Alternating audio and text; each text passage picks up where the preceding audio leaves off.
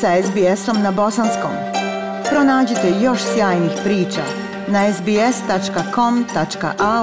kosacrta bosnijan. U Australiji druga osoba je umrla od poremećaja zgrušavanja krvi, a zdravstveni autoriteti kažu da je smrt povezana sa vakcinom AstraZeneca. U Novom Južnom Velsu umrla je žena zbog krvnog ugruška u mozgu, a kako zdravstveni stručnjaci kažu, doživjela je težak oblik iznimno rijetkog poremećaja tromboze. Ljudima koji prime vakcinu AstraZeneca rečeno je da dvije trećine njih imaju manje nuspojave – ali u veoma rijetkim slučajevima mogu patiti od sindroma zgrušavanja krvi koje se uobičajeno javlja između četvrtog i 28. dana nakon primitka prve doze vakcine. Milioni ljudi su primili AstraZeneku, a da nisu iskusili značajnije komplikacije, ali vjeruje se da je i veoma rijetki poremećaj koji ona može izazvati razlog zašto se neki Australci preko 50 godina ne javljaju na vakcinaciju. Za sada još nije utvrđeno da li je žena iz Novog Južnog Velsa imala neko hronično oboljenje koje bi je činilo više osjetljivom te više sklonom komplikacijama. Glavni dužnosnik zdravstva Australije, profesor Paul Kelly, kaže da je za sada 15 osoba u Australiji imalo teže oblike krvnih ugrušaka koji se povezuju sa vakcinom AstraZeneca, dok je 33 ljudi iskusilo manje ozbiljne komplikacije. Extremely unfortunate situation of a 52-year-old woman uh, who had the, had the vaccine a couple of weeks ago uh, and has developed this extremely rare but as in this case uh, sometimes quite serious uh, clotting event. Uh, I will point out that it's only the second death with now over 3.6 million doses of this vaccine being given across Australia. I will point out that this, this remains an extremely rare event uh, to get these serious clots, but when they happen, uh, as we've seen in this case, uh, it can have tragic circumstances. Izuzetno tragična situacija za 52-godišnju ženu koja se vakcinisala prije nekoliko sedmica i kod koje se razvila izuzetno rijetka, ali u ovom slučaju ozbiljna tromboza. Naglasit ću da je ovo samo drugi smrtni slučaj među 3,6 miliona doza vakcina koje su date širom Australije. Naglasit ću i ovo da i dalje ostaje iznimno rijetka pojava koja dovodi do ozbiljnog zgrušavanja krvi, ali kada se to dogodi, kao što se desilo u ovom slučaju, može da ima i tragične okolnosti. Ljudi u užem području grada Melburna nastavit će da nose maske i u zatvorenom prostoru kao i na otvorenom, a promjena je uslijedila nakon savjeta zdravstvenih autoriteta. Mada je restriktivna mjera zaključavanja ukinuta, 10. juna su otkrivena četiri slučaja zaraze koronavirusom na lokalnom nivou. U pitanju su ljudi iz istog domaćinstva u rezervoaru, četvrti u sjevernom dijelu Melburna, ali izvor zaraze još uvijek nije utvrđen. Vjeruje se da je par iz Melburna koji se u vrijeme lockdowna odvezao do Queenslanda, do Sunshine Costa i čiji su nalazi testa bili pozitivni, u stvari raširio virus prije nego što je napustio Viktoriju 1. juna. Zamjenik šefa zdravstva Alan Cheng kaže da je jedno od njih primjećeno na lokalitetu shopping centra u Kregiburnu, također četvrti u sjevernom dijelu Melburna 23. maja. We have had nine cases linked to that shopping center to date.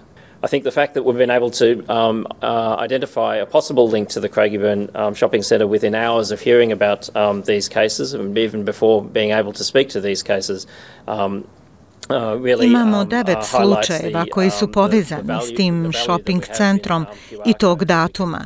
Vjerujem da je činjenica da smo mogli identificirati moguću povezanost shopping centra u Kregiburnu u roku od nekoliko sati od kada smo čuli za slučaj, pa čak i prije nego što smo bili u mogućnosti da razgovaramo sa slučajevima, zaista naglašava vrijednost koju imamo u QR kodu. Možete istraživati i analizirati podatke veoma brzo. Tako dok je procjena tima javnog zdravstva da smo u situaciji da ublažimo restriktivne mjere, ovi novi slučajevi su najsnažniji podsjetnik da još uvijek nismo izvan opasnosti. Vlada Viktorije kaže da su se opsežne veze COVID-19 odvijale u zajednicama različitog kulturološkog i jezičkog porijekla, ali zabrinutost se povećala zbog pitanja da li je moglo više da se učini, pogotovo u vezi liste mjesta izloženosti. Direktorica Multikulturnog centra za zdravlje žena Adel Mardolo kaže da listu mjesta izloženosti vlada Viktorije objavljuje samo na engleskom jeziku. If you watch the uh, press um, conferences, you get that information straight away or then it's published in the um, English language press where those exposure sites are. But I actually um, was unable to find that information in languages other than English anywhere. Ako gledate pres konferencije, vi te informacije imate odmah, a onda se objavljuju na engleskom jeziku gdje su mjesta izloženosti. Ja u stvari nisam mogla pronaći nigdje informacije na drugim jezicima, osim na engleskom, što znači da ljudi koji nisu tako dobro verzirani u način komunikacije na engleskom jeziku ili će zaostati u dobijanju informacija ili će im one biti potpuno nedostupne. Adel Mardolo kaže da je drugi problem nedostatak pristupa onome što ona naziva dobrim podacima. Not only about COVID, um, but mostly about the vaccine. Who's getting the vaccine? And to what extent are people who speak a language other than English engaging with vaccine um, education and getting the vaccine and to what extent are they missing out. Ne samo o COVID-u, već uglavnom o vakcinama. Ko daje vakcine um, i u kojoj mjeri su ljudi koji govore jezik drugi od engleskog angažovani u edukaciji o primanju vakcine i u kojoj mjeri oni to razumiju. Tako da ja mislim da mi definitivno imamo podatke prema geografskoj lokaciji, ali nemamo nužno podatke i o jeziku koji se govori ili zemlji rođenja tih ljudi. Tako da je to malo problematično u smislu razumijevanja gdje nastaju praznine i gdje bismo mogli povećati naše napore u edukaciji o vakcinaciji među posebnim kulturološkim ili jezičkim grupama. Ljudi koji budu uhvaćeni da ignorišu zdravstvene upute suočit će se sa teškim kaznama.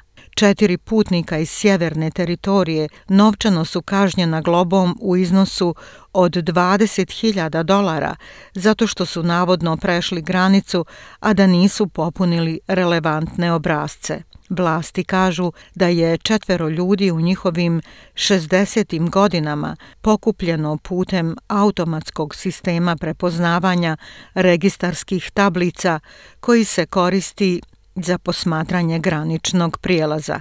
Policija kaže da su njihova dva vozila registrovana u Viktoriji, ali koju su napustili prije nego što je država objavila mjesto zaraze za zdravstvene mjere i mjere podrške koje su trenutno na snazi u odgovoru na pandemiju COVID-19 na bosanskom jeziku potražite na internetskoj stranici sbs.com.au kosa crta koronavirus. Ja sam Aisha Hadži Ahmetović. Ostanite uz SBS radio. Like, share, comment. Pratite SBS Bosnian na Facebooku.